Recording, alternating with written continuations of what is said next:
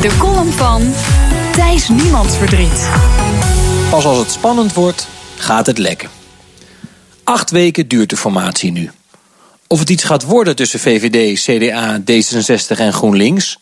Geen idee. De onderhandelaars zwijgen. En ook via andere kanalen krijg ik bijzonder weinig te horen over de voortgang van de formatie. Gelukkig ben ik niet de enige. Ook verslaggevers van andere kranten en nieuwsprogramma's weten tot nu toe amper iets opzienbarends te melden. Voor de vorm staan we met z'n allen iedere dag toch weer voor de deur van de stadhouderskamer. Al moet ik eerlijk toegeven dat ik regelmatig een beurtje oversla. Wat je daar zoal doet? Je pleegt wat telefoontjes. Je kijkt uitgebreid op sociale media. Je speculeert wat met collega-journalisten. Waarom kwamen Zelstra en Klaver wat later naar buiten dan de rest? Waarom had Rutte als enige een stapeltje papieren onder de arm? En natuurlijk maak je grapjes. Met name de nieuwsuurverslaggever met het baardje heeft zich ontpopt tot de lolbroek van het wachtende gezelschap. Waar komt die oorverdovende stilte vandaan? Volgens mij kunnen er drie oorzaken zijn. 1. Er heerst een bewonderenswaardige discipline. De vier partijen zijn doordrongen van de noodzaak van besloten overleg. Lekken kan het slagen van de formatie in gevaar brengen. En ze willen het echt heel graag met deze combinatie proberen.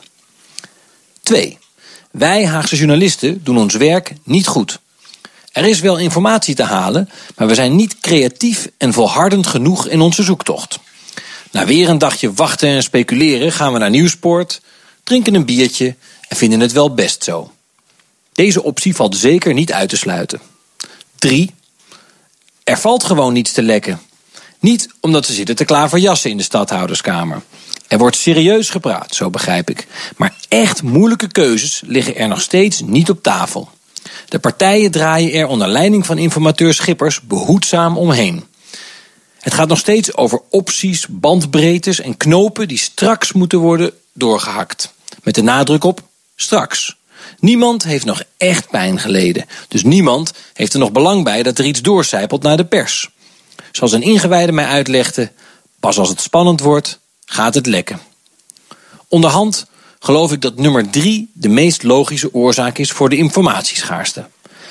Helemaal zeker weten doe ik dat natuurlijk niet. Vanwege diezelfde informatieschaarste. Maar het zou me niet verbazen als we nog zeker een week of twee à drie te vergeefs met z'n allen voor de deur staan. De column van NRC-redacteur Thijs Niemands Verdriet. Altijd op donderdag onze